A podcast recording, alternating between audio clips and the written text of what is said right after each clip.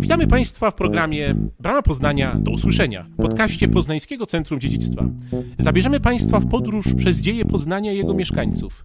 Wszystkie odcinki można znaleźć na stronie bramapoznania.pl i w popularnych serwisach podcastowych. Zapraszamy. Dzień dobry. Witamy po dłuższej przerwie w kolejnym podcaście Brama Poznania do usłyszenia. W dzisiejszym odcinku porozmawiamy o kobiecie. Imię jej nieznane. Sygryda lub Świętosława lub Gunhilda, królowa Norwegii, Szwecji, Danii i Anglii, bohaterka Sak, krzewicielka wiary chrześcijańskiej w Skandynawii oraz matka królów. Kim była tajemnicza Słowianka, która przebywała na skandynawskich dworach na przełomie X i XI wieku? W jaki sposób była spokrewniona z pierwszymi piastami? Jak najprawdopodobniej miała na imię? I jaki wpływ miała na skandynawską historię? Dzisiaj się dowiemy w naszym podcaście. Spróbujemy to wszystko podsumować, co dotychczas dowiedzieliśmy się o tej postaci i kim ona była.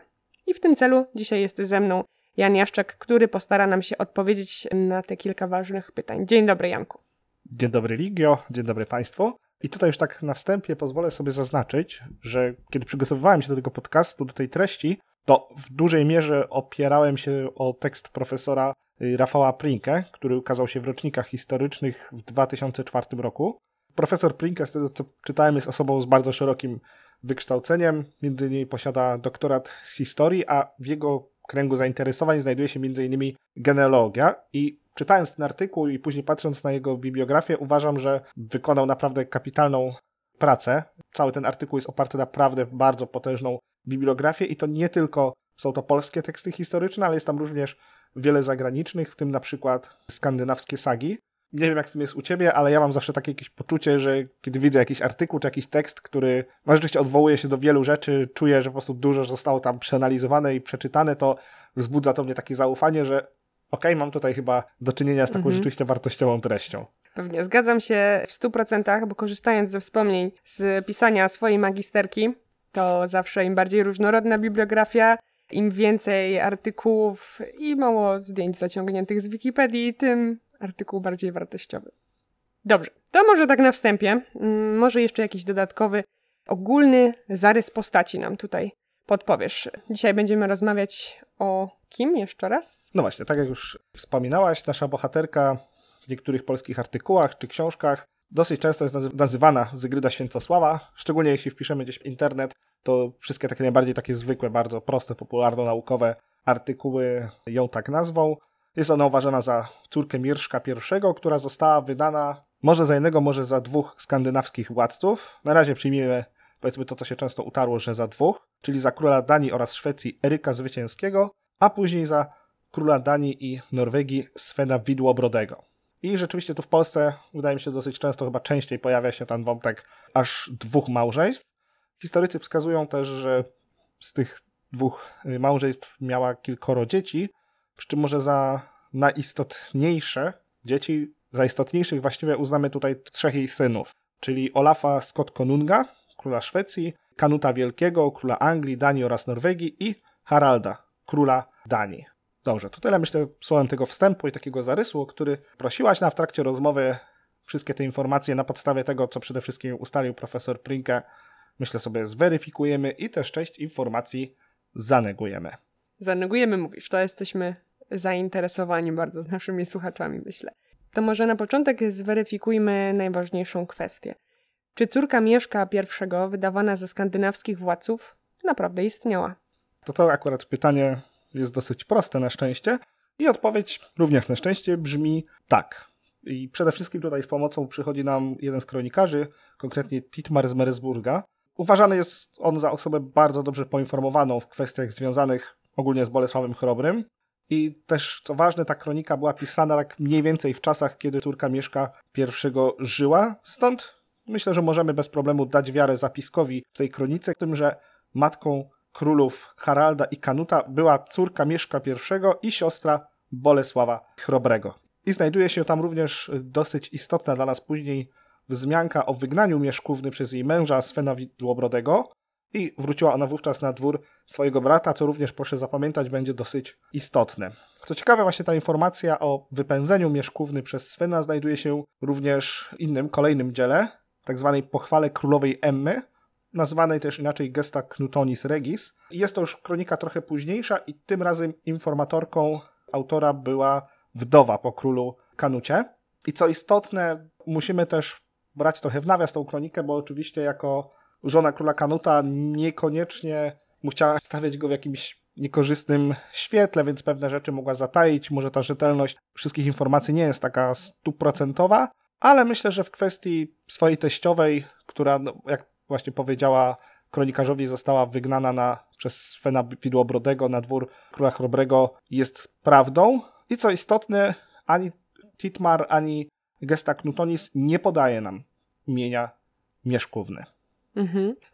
Cieszę się, że znalazłeś e, w ogóle tyle informacji, tyle źródeł e, na... To nie ja, to profesor Plinka akurat.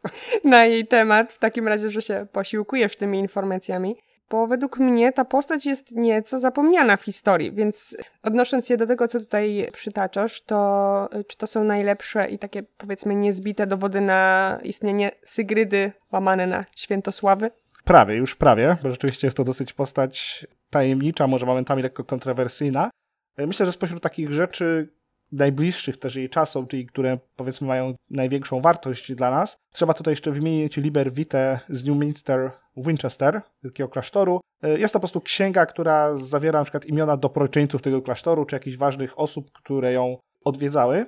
I co bardzo istotne, o jednej z dobrodziejek tego klasztoru mamy taki łaciński zapis Sanslaue soror knuti regis nostri. I to możemy przetłumaczyć tak luźno i prosto na to, że osoba ta była siostrą króla Kanuta Wielkiego o imieniu wyraźnie słowiańskim, Sladslaue, które zresztą to imię właśnie najczęściej jest odcyfrowywane jako Świętosława. Są też troszkę inne pomysły na to imię, ale powiedzmy, że najczęściej raczej to funkcjonuje. No i właśnie, osoba, która przebywała w Anglii i która była siostrą Kanuta Wielkiego, ewidentnie ze słowiańskim imieniem, no musi być takim dosyć dobrym dowodem, jako osoba może być dowodem, jest dowodem na to, że rzeczywiście ta mieszkówna istniała, no bo skąd inaczej siostra Kanuta Wielkiego, czyli córka pewnie Svena Widłobrodego, miałaby takie imię. Okej, okay, poczekaj, bo mhm. to czy w takim razie to nie jest y, taki jednoznaczny dowód na to, że tak właśnie miała na imię Mieszkówna, Świętosława?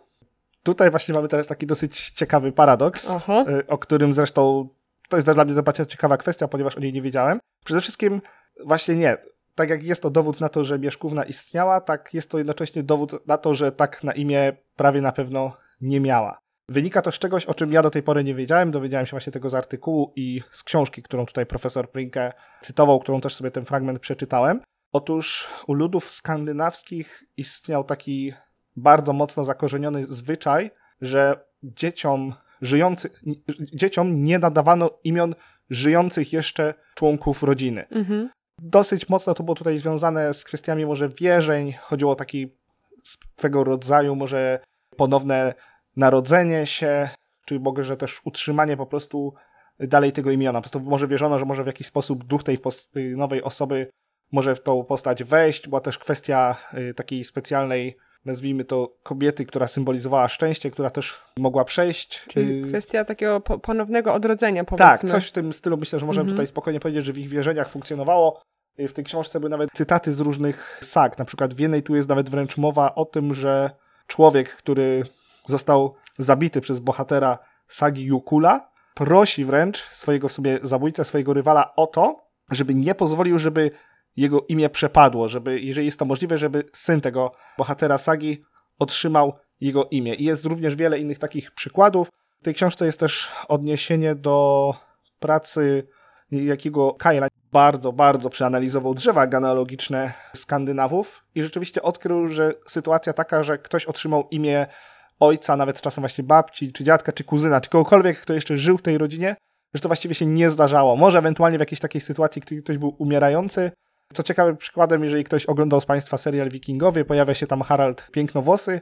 Harald akurat jest jednym z przykładów, takich bardzo, bardzo rzadkich przykładów osób, która rzeczywiście dostało imię kogoś, kto jeszcze żył. A tak to funkcjonowały dwie rzeczy. Albo nadawano imię jakiegoś niedawno zmarłego przodka, albo ewentualnie funkcjonowały też jakieś aliteracje, że na przykład nadawano imię na pierwszą literę, na przykład właśnie ojca, na przykład, czy coś w tym stylu też funkcjonowało. Ale nie nadawano imienia kogoś, kto jeszcze żył. A skoro wymieniona tutaj Świętosława która przebywała w Anglii, urodziła się jeszcze w czasie pewnie życia swojej, no musiała się urodzić w czasie życia swojej matki, no to jej matka nie mogła mieć tak samo na imię. Rozumiem. Ale po prostu przerwałam ci wcześniejszą wypowiedź, a wydaje mi się, że jeszcze chciałeś coś dodać. Żaden problem, bo rzeczywiście wątek ciekawy i tak mówię, dla mnie zupełnie nowa kwestia, że tak Skandynawowie robili, tak wierzyli. Natomiast tak, chciałem jeszcze na pewno wymienić też istotną z pewnych względów dla nas później kronikę Adama Bremeńskiego i tu już mówimy o dziele, y, dziele późniejszym, ponieważ powstała ona raczej gdzieś około 1075 roku, czyli już kilkadziesiąt mhm. lat po życiu Mieszkówny. I tym razem informatorem już był ktoś troszeczkę dalszy, ale jednocześnie nadal bliski, ponieważ był to tak niejaki Sven Estridsen, który był wnukiem Svena Widłorodego, wspominanego już tutaj, męża Mieszkówny. I mamy tutaj bardzo ważną informację, która wpłynęła na to, jak Mieszkówna była postrzegana, szczególnie u nas tutaj przez polskich historyków, ponieważ zdaniem Adama Sven Widłobrody poślubił wdowę po Eruku Zwycięskim i matkę Olufa Skotkonunga i miał z nią syna Kanuta. Nie ma tutaj e, akurat słowa o Haraldzie. I dodatkowo e, wśród wszystkich zachowanych kopii tej kroniki mamy też w czterech przypadkach taki scholion, czyli taki nazwijmy to dopisek jeszcze, w którym jest nawet mowa o sojuszu króla Bolesława z Erykiem, który był przypieczętowany ślubem Eryka z siostrą lub córką Bolesława. I w dwóch bodajże to jest tak, że właśnie w dwóch jest zapisane, że to jest córka lub siostra, w dwóch bodajże jest siostra. No więc mamy tutaj bardzo istotny wątek, ponieważ już Bardzo wcześniej... skomplikowany. Bardzo skomplikowany, ale tak, no właśnie, co ważne, wcześniej już wspomnieliśmy, że Mieszkówna na pewno była matką Kanuta i Haralda, których urodziła Svenowi Widłobrodemu. No a tutaj Adam Bremeński pojawia nam się z informacją, że ta sama kobieta była właśnie też żoną wcześniej już Eryka Zwycięskiego i matką jeszcze jednego króla, króla Norwegii, Olafa Skotkonudga, co będzie bardzo istotne. I może jeszcze tak na koniec tych wszystkich y, kronik jeszcze tylko dopowiemy, że była jeszcze kronika Saksa Gramatyka, która jest istotna powiedzmy też o tyle, taka może trochę ciekawa, że tu już pojawia nam się jakieś imię, ponieważ do tych informacji Adama z Bremy dodał jeszcze taką informację, że ta wdowa po Eryku miała na imię Syryta. Jeszcze raz jak? Syryta. Okej. Okay. Kolejne ciekawe imię do zapamiętania. Faktycznie robi się tutaj bardzo ciekawy. A powiedz nam, bo mm, przytoczyłeś tutaj wiele, wiele kronik, ale tak sobie myślę, co z sagami, które z mojej wiedzy są bardzo ważnym źródłem dla skandynawskiej historii. Co one nam mówią o tej sprawie? Czy w ogóle można im wierzyć? Tak, sagi będą tutaj dosyć istotne, ponieważ one też sprawią, że historycy skandynawscy też w ogóle do postaci Mieszkówny będą podchodzić przez te wszystkie lata troszkę inaczej. Przez wiele, wiele lat w ogóle sagi też były uważane za takie właściwie jedyne prawie że główne źródło wiedzy historycznej w dawnych czasach ze Skandynawii. Później to oczywiście trochę yy, lawirowało, było poddawane różnej krytyce i tak dalej. Tym niemniej teraz uważa się bardzo często, że jeżeli mamy jakąś sagę, która bardzo szeroko opisuje jakąś postać, ale na przykład znajdują się tam jakieś takie drobne tylko wtrącenia, które właśnie mają taki charakter bardzo faktograficzny, żeby sugerować, że w czyich czasach się to działo, albo co się ewentualnie mogło wydarzyć, to im się rzeczywiście dosyć dużą wiarygodność przypisuje. Oczywiście może ten cały długi opis biograficzny jakiejś postaci, on może być taki pełen legend, ale ten dopisek, który ma nas umiejscowić w miejscu i czasie, jest y, bardziej wiarygodny. Czyli to nie tak, że Sygryda była po prostu wymysłem na potrzeby tych sag. Faktycznie yy... można dać wiarę tak, myślę, że można dać wiarę, właśnie zaraz sobie też o tym powiemy. Istotne jest też tylko bardzo przy tych sagach, że trzeba pamiętać, że te, które zachowały się do naszych czasów, są to sagi już znacznie późniejsze niż czasy, o których mówią, ale były też one jednocześnie tworzone na podstawie tych starszych sag. Miały do nich dostęp, do których okay. obecnie my już go nie mamy i do których może być nawet kronikarze też nie mieli. Nie może z takich istotnych informacji, które nam się pojawiają w sagach, no to właśnie, pojawia nam się tam dosyć często postać niejakiej Zygrydy, która była żoną Eryka. Pojawia się właśnie też bardzo dla nas istotna informacja, że Olaf Scott Konung, już wspominany, był, no właśnie, że był pasierbem Svena w istocie, czyli może potwierdzenie tego, co mówił Adam z Beremy, ale też, co ważne, pojawia się również oprócz tylko postaci Zygrydy, o której może sobie jeszcze troszkę powiemy, ponieważ pojawia się ona w sagach y, niejednokrotnie. Jest też nawet mowa o pewnej części Skandynawii, ziemiach, które w nazwie miały właśnie to, że należały do niejakiej Zygrydy. U jednego z twórców sag, Oda Snorasona, mamy bardzo istotny dla nas zapisek, który może sobie trochę bardziej szczegółowo przeanalizujemy później, ale na razie już go wspomnę, ponieważ jest tam zapis o ślubie Svena z Gunhildą, córką króla Wendlandii Burysława. Jest to dla nas bardzo istotna informacja, o której dlaczego dokładnie powiemy troszkę później, ale na razie musimy na to tylko sobie o tym pamiętać, musimy sobie to zaznaczyć, że w sagach jest też rzeczywiście mowa o dwóch ślubach, ślubach przepraszam, Svena Widłobrodego. W niektórych sagach nawet pojawia się też wątek, że jego pierwsza żona zmarła. Zmarła zanim wziął ponowny ślub, a ten ponowny ślub, o czym będziemy sobie jeszcze też później mówić, miał miejsce z wdową rzeczywiście po Eryku Zwycięskim, bo tak jak powiedzieliśmy, jest też informacja o tym, że Sven był ojczymem później dla Olafa Kotkonunga. Okej, okay, czyli jeszcze w takim razie w sagach pojawia się kolejne imię Gunhilda. Tak, właśnie I... Gunhilda i Zygryda. Właśnie stąd mamy nawet tam aż dwa imiona.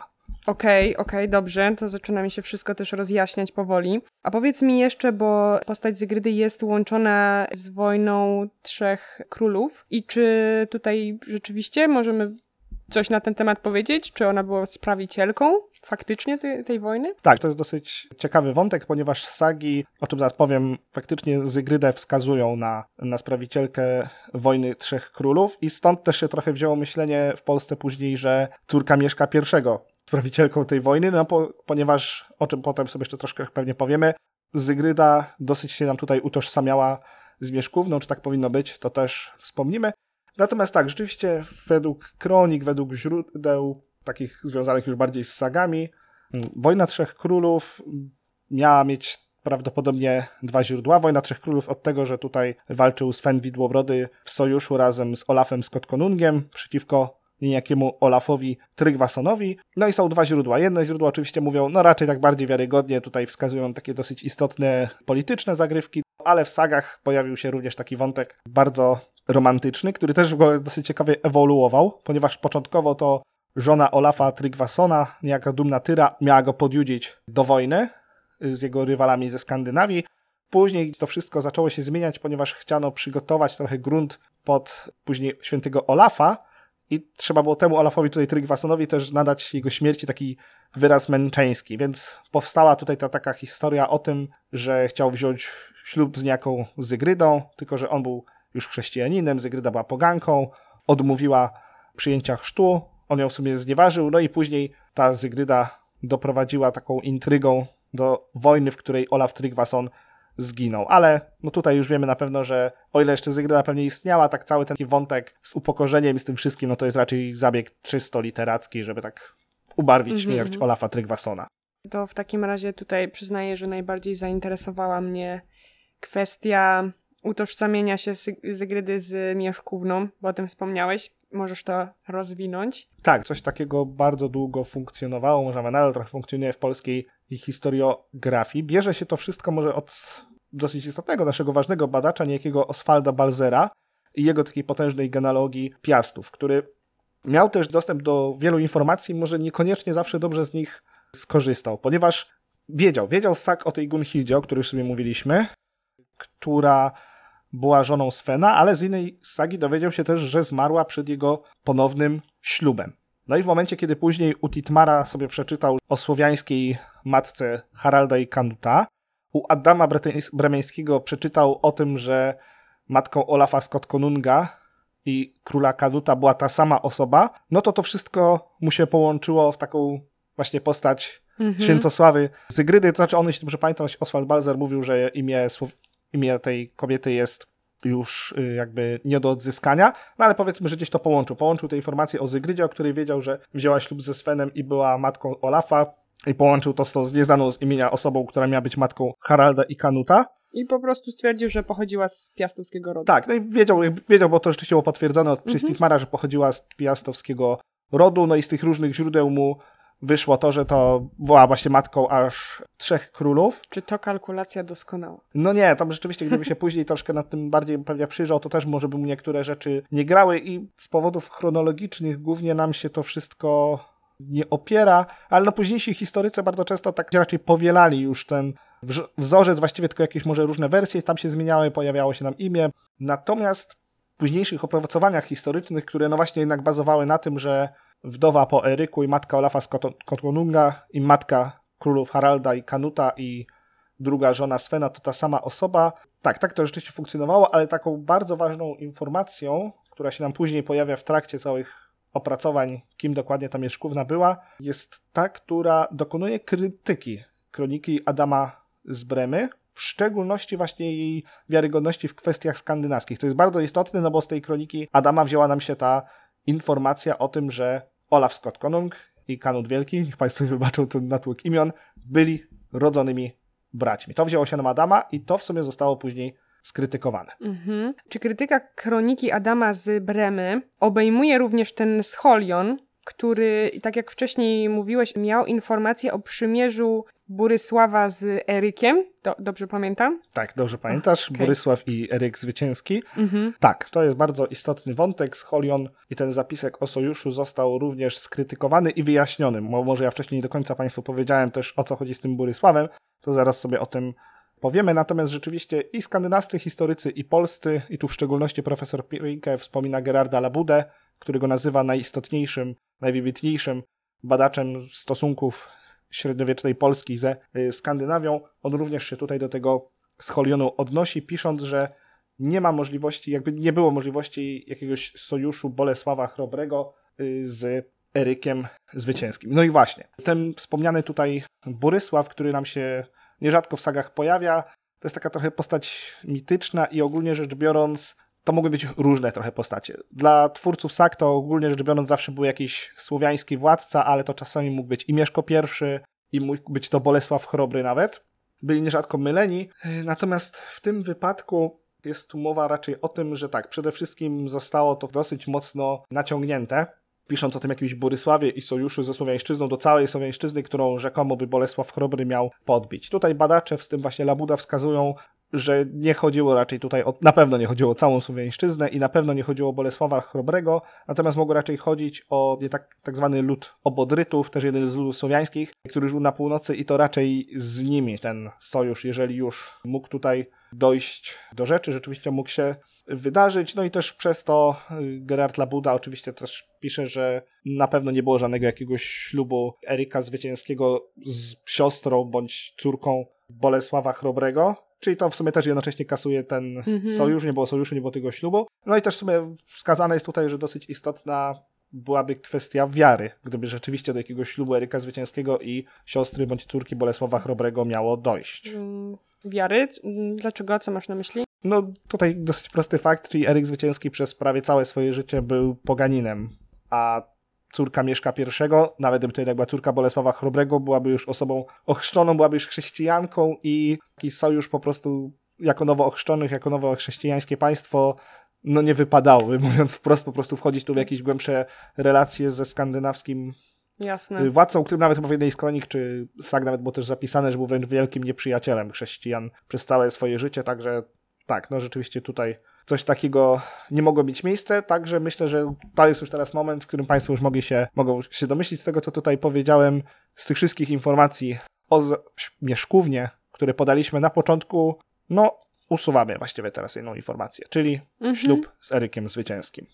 Dobrze, czyli w takim razie mamy już jedną przesłankę, którą możemy wykasować, usuwamy y, z życiorysu Mieszkówny te informacje, którą podaliśmy we wstępie, no a która się często pojawiała w polskiej historiografii. Tak, tak, no właśnie, ona się tu rzeczywiście często pojawiała, no pojawiała bardzo się, często w zasadzie. Nawet bardzo często rzeczywiście i pojawiała się no właśnie przez to, o czym sobie wspominaliśmy, czyli przez te nieszczęsne zapiski o tym, że Olaf Scott Konung i Kanut Wielki, że byli rodzonymi braćmi, braćmi. Y, z mm. tej samej osoby, co nam się rzeczywiście tutaj kłóciło też z Titmarem z Meresburga, ponieważ rzeczywiście na podstawie tego, co wiemy z Sak, to ten drugi ślub Svena Widłobrodego najprawdopodobniej y, rzeczywiście był. I prawdopodobnie była to owa Zygryda, którą też znamy z Sak i która, no, trzeba uznać, że była raczej postacią jednak inną, że to była inna osoba, co rzeczywiście w historiografii skandynawskiej i w sagach się dużo częściej pojawia niż tutaj u nas w Polsce. Historycy nawet też uważają, że nawet jeżeli w jakiś sposób Eryk Zwycięski miał też słowiańską żonę, może rzeczywiście ktoś się tam taki pojawił, no to na pewno nie była ona matką Olafa Scott Konunga. Myślę, że skoro już teraz tak trochę tutaj zaczęliśmy już kasować pewne fakty, które się pojawiają często w biografii już nie mówmy Zygrydy, tylko bier... Hipotezy bardziej. tak, może hipotezy mieszkówne, że warto tutaj przejść teraz do tej dekonstrukcji, którą myślę, że dokonał profesor Prinke w doskonały sposób, analizując całą dostępną wiedzę, którą tutaj już też w pewnym skrócie nawet Państwu przedstawi... przedstawił, przedstawiłem, przepraszam. No i tak, myślę, że teraz podsumuję Państwu też ten obraz y, postaci, którą profesor Prinke stworzył i który myślę, że jest bardzo spójny i absolutnie broni się w świetle tego, co znamy z historii. Super. No to w takim razie słuchamy. Zacznijmy e, może od tego, jaki pogląd na te kwestie imienia ma profesor Prinka. Tak, rzeczywiście, jak już wspomnieliśmy, i Zygryda, i Świętosława, te dwa imiona należy raczej odrzucić. Zygryda, ponieważ jak wiemy z sak i z historii była to raczej zupełnie inna osoba, prawdopodobnie wdowa po Eryku Zwycięskim i żona Svena Widłobrodego, ale żadnych tutaj skojarzeń yy, ze Słowianami nie ma. Jest to raczej osoba urodzona w Szwecji. Świętosława, no to już wspominaliśmy, tutaj te wszystkie kwestie z wierzeniami skandynawskimi. Natomiast należy przypomnieć sobie imię Gunhilda, które pojawiło nam się w sagach i które się absolutnie, myślę, też broni. No to ponieważ, zaskoczenie. tak, ponieważ teraz tak, no przede wszystkim sagi znają dwie żony Svena. W kronikach to się jakoś tak zawsze y, różnie pojawia, ktoś tam jest wspomniany, ktoś nie. Natomiast sagi rzeczywiście dosyć jasno tutaj mówią o tym, że dwie żony były, tylko czasami jest jedna wersja, że ta pierwsza żona zginęła, że zmarła. Częściej się pojawia raczej też ten wątek, że została wygnana. No i w tym zakresie, jak już też wiemy, główny konflikt tutaj mieliśmy, żeby tą Gunhildę jakoś uznawać znaną z sag, była kronika Adama, którą już sobie obaliliśmy. A co ważne, trzeba wspomnieć, że zarówno kronika Titmara, o której mówiliśmy sobie na samym początku, jak również Gesta Knutonis Regis wspierają tak naprawdę tą wersję sag o tym, że Sven Widłobrody mógł mieć drugą, mógł mieć dwie żony i że ta pierwsza została wygnana No proszę. z dworu i ten zapisek, który się pojawia w niektórych sagach o jej śmierci, być też raczej należy traktować jako taki zabieg literacki, no może brzmiało to trochę lepiej niż to, że Sven Widłobrody, no, brzydko mówiąc, pogonił swoją Wygonił. żonę, dokładnie. Okej. A powiedz jeszcze, bo z wcześniejszych informacji wiemy, że nie była żoną Eryka. Tak? Zgadza się? Tak, powtórzmy sobie jeszcze raz tę informację.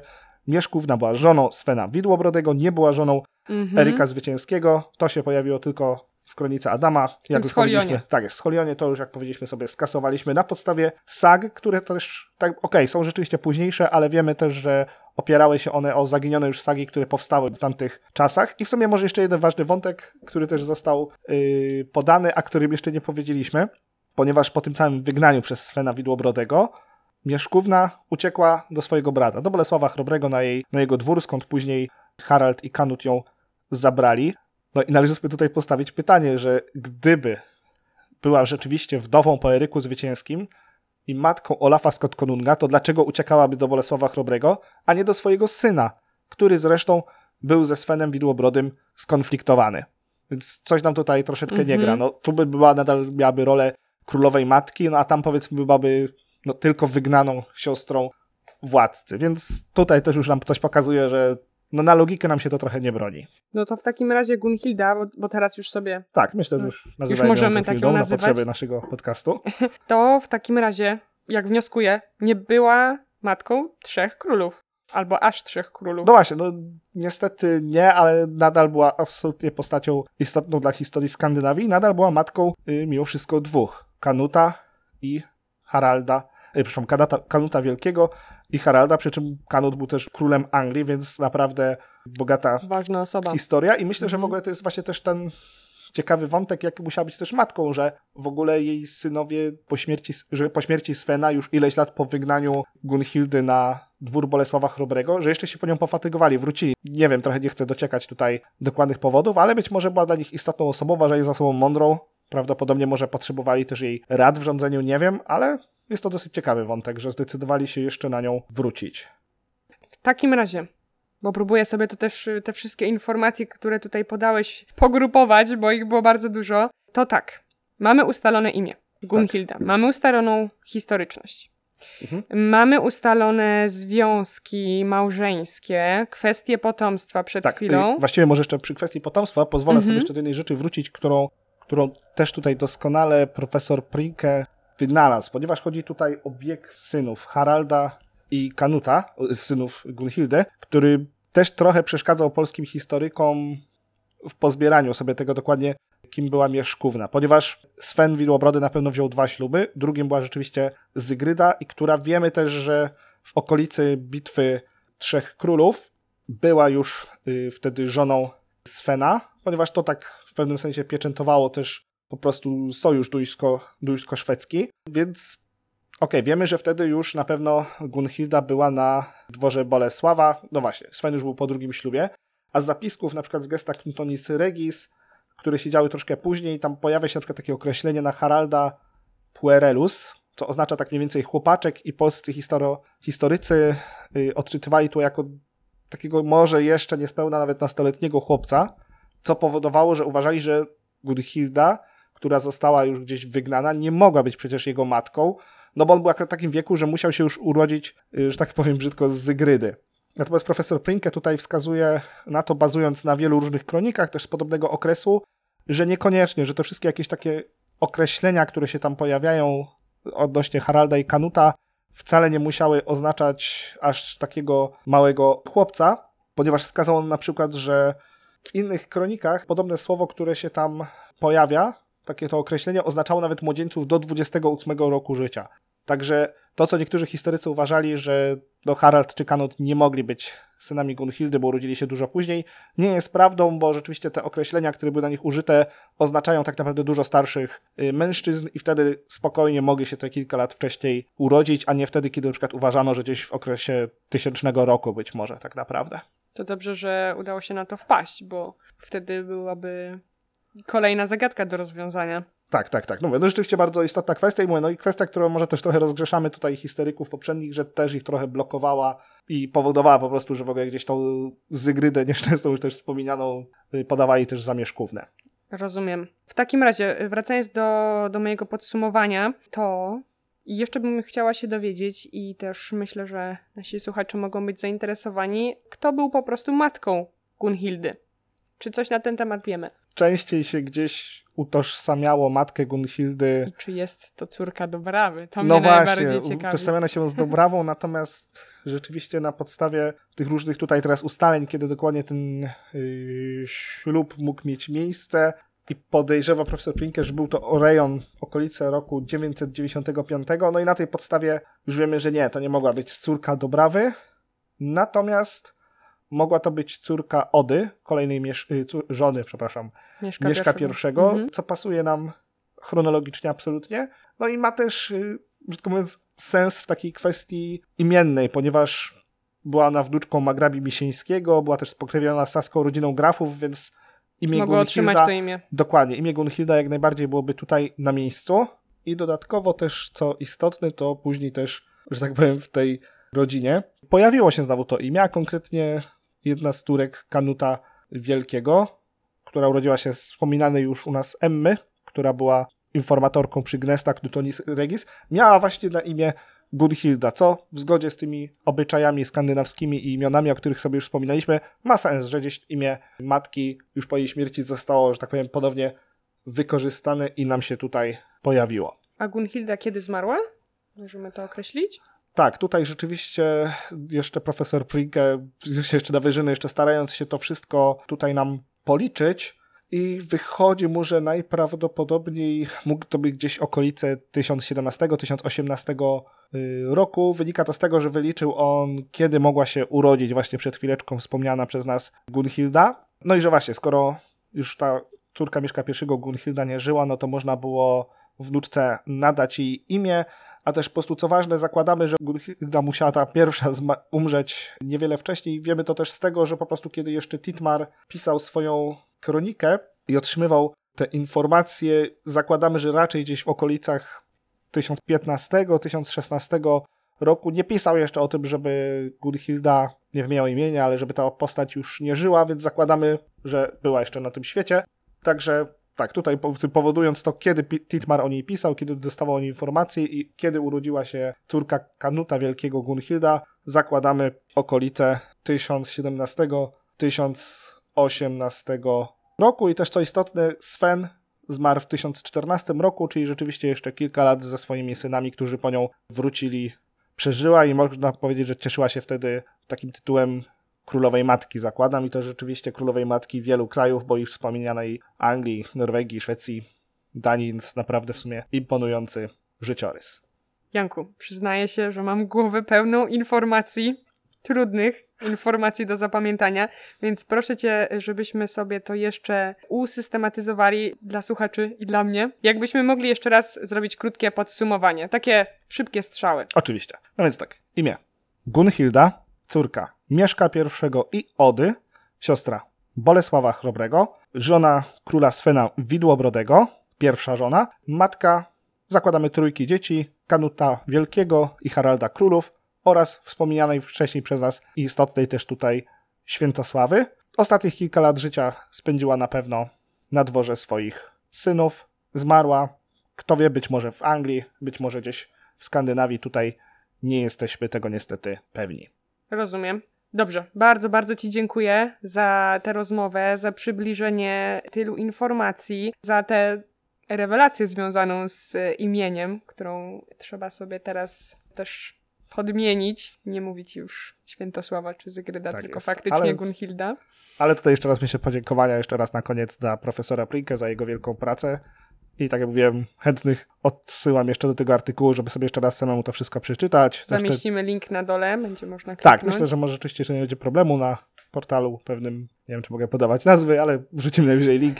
Jest rzeczywiście ten artykuł dostępny, ale w razie czego są to rzeczywiście roczniki historyczne z 2004 roku, da się ten artykuł tam znaleźć. Czyli co, tak naprawdę piękne popołudnie mamy tutaj za oknem. Mamy sporą porcję informacji do przetrawienia. Ty, Janku, masz ze sobą absolutnie ćwiczenia na poprawę dykcji wykonane w 100% w związku z mówieniem tylu ważnych i trudnych nazwisk. No niektóre czy tytułów kronik. Faktycznie pominąłem, bo drodzy Państwo, rzeczywiście jak miał cytować nazwy czy imiona z tych skandynawskich kronik, to trochę by było nie do zrobienia Wierzymy. dla mnie, przyznaję się. Dziękujemy Ci za ten wkład, a Państwu życzymy miłego dnia lub dobranoc.